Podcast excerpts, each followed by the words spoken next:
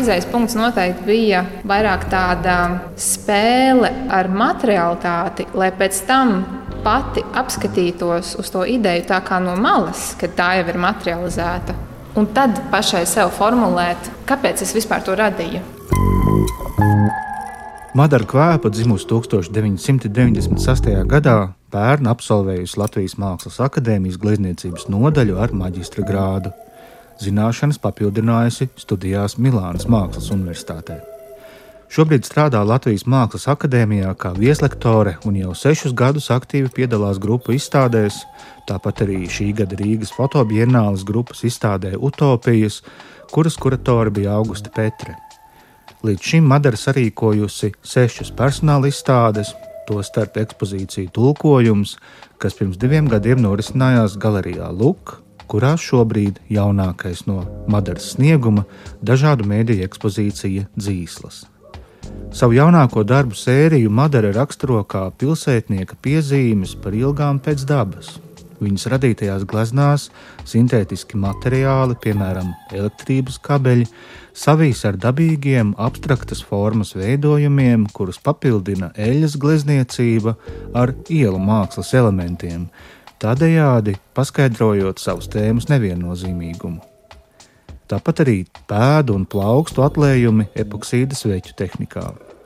Gan forma, gan izteiksmes līdzekļu dažādība pielāgota viena konkrēta apgalvojuma izcelšanai.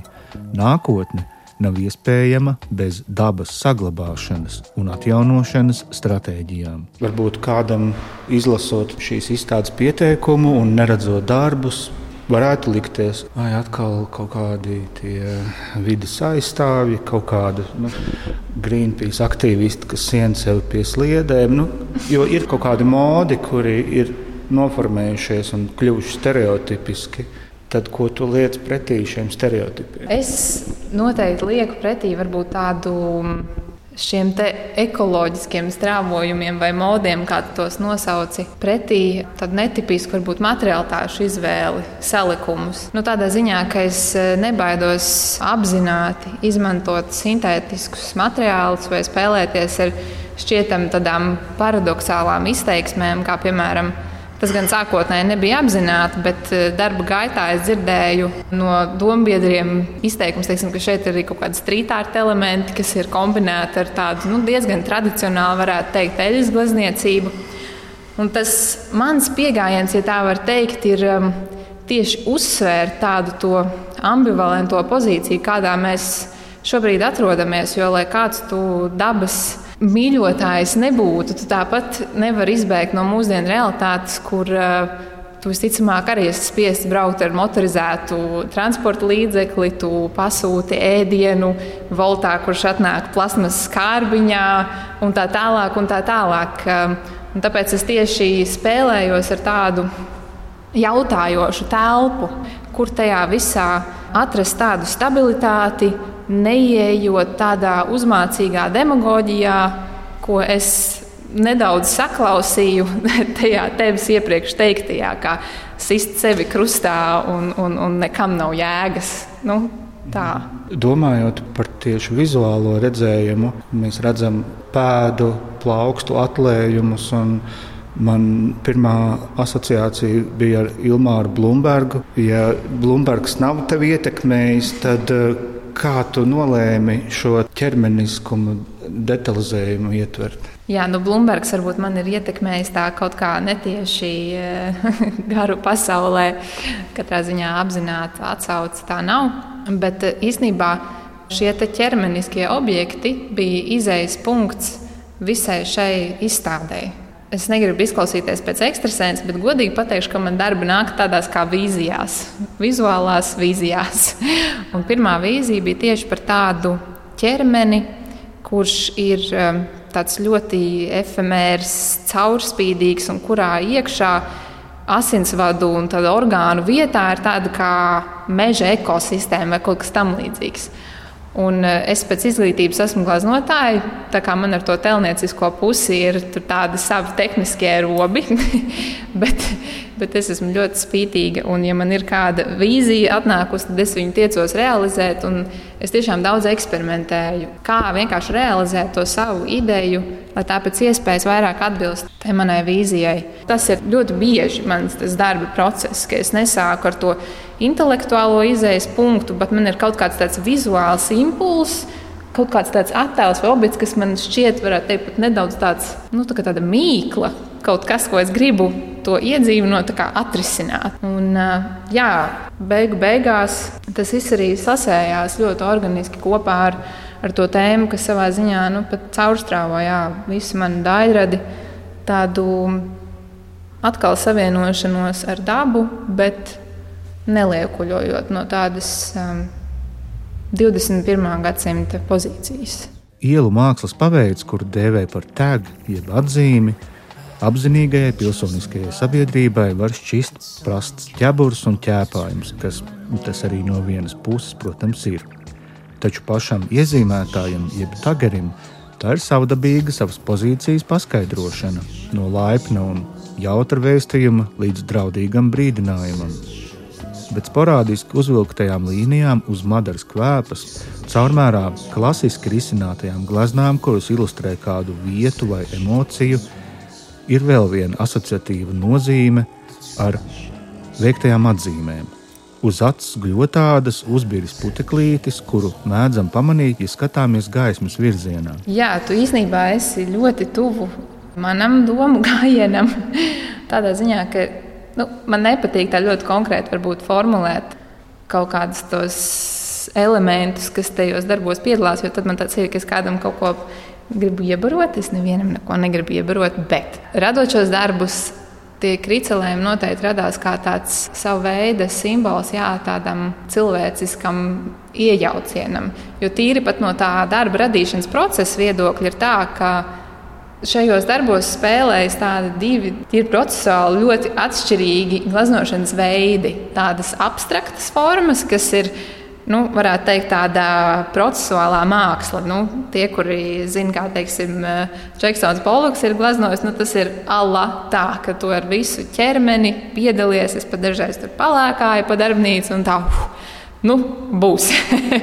un tad ir tas tas, tas, tas, tas izšļāciens, izšļakstījiens vai nu, kas nu, ko nu tā glāzna tajā brīdī, manuprāt, paģēra. Un tad, kad tas ir nožuvis, tad kādā citā dienā es ierodos un es jūtu, jā, šī ir tā diena. Un tad es ar savu kontrolēto cilvēku roku veicu šo iešvīkājienu, kurš it kā ir nu, brīvs savā ziņā, bet tāpat laikā tas ir tas cilvēka tāds. Um, es esmu viņu nogatavinājis. Man vakar viena draudzene bija atnākusi un viņa tā prasīja, skatījās uz to darbu. Teicu, tas ir tavs paraksts. un, tad, un tad es teicu, nu, jā, tā varētu teikt savā ziņā. Un pēc tam arī aizgāja tas tā, man patika, kā es, es pēc tam saspēlējos arī ar tiem kabeļiem ko es izmantoju. Tur arī ir kaut kāda atkal tā jau iepriekš minētā tāda materiālitāšu spēle.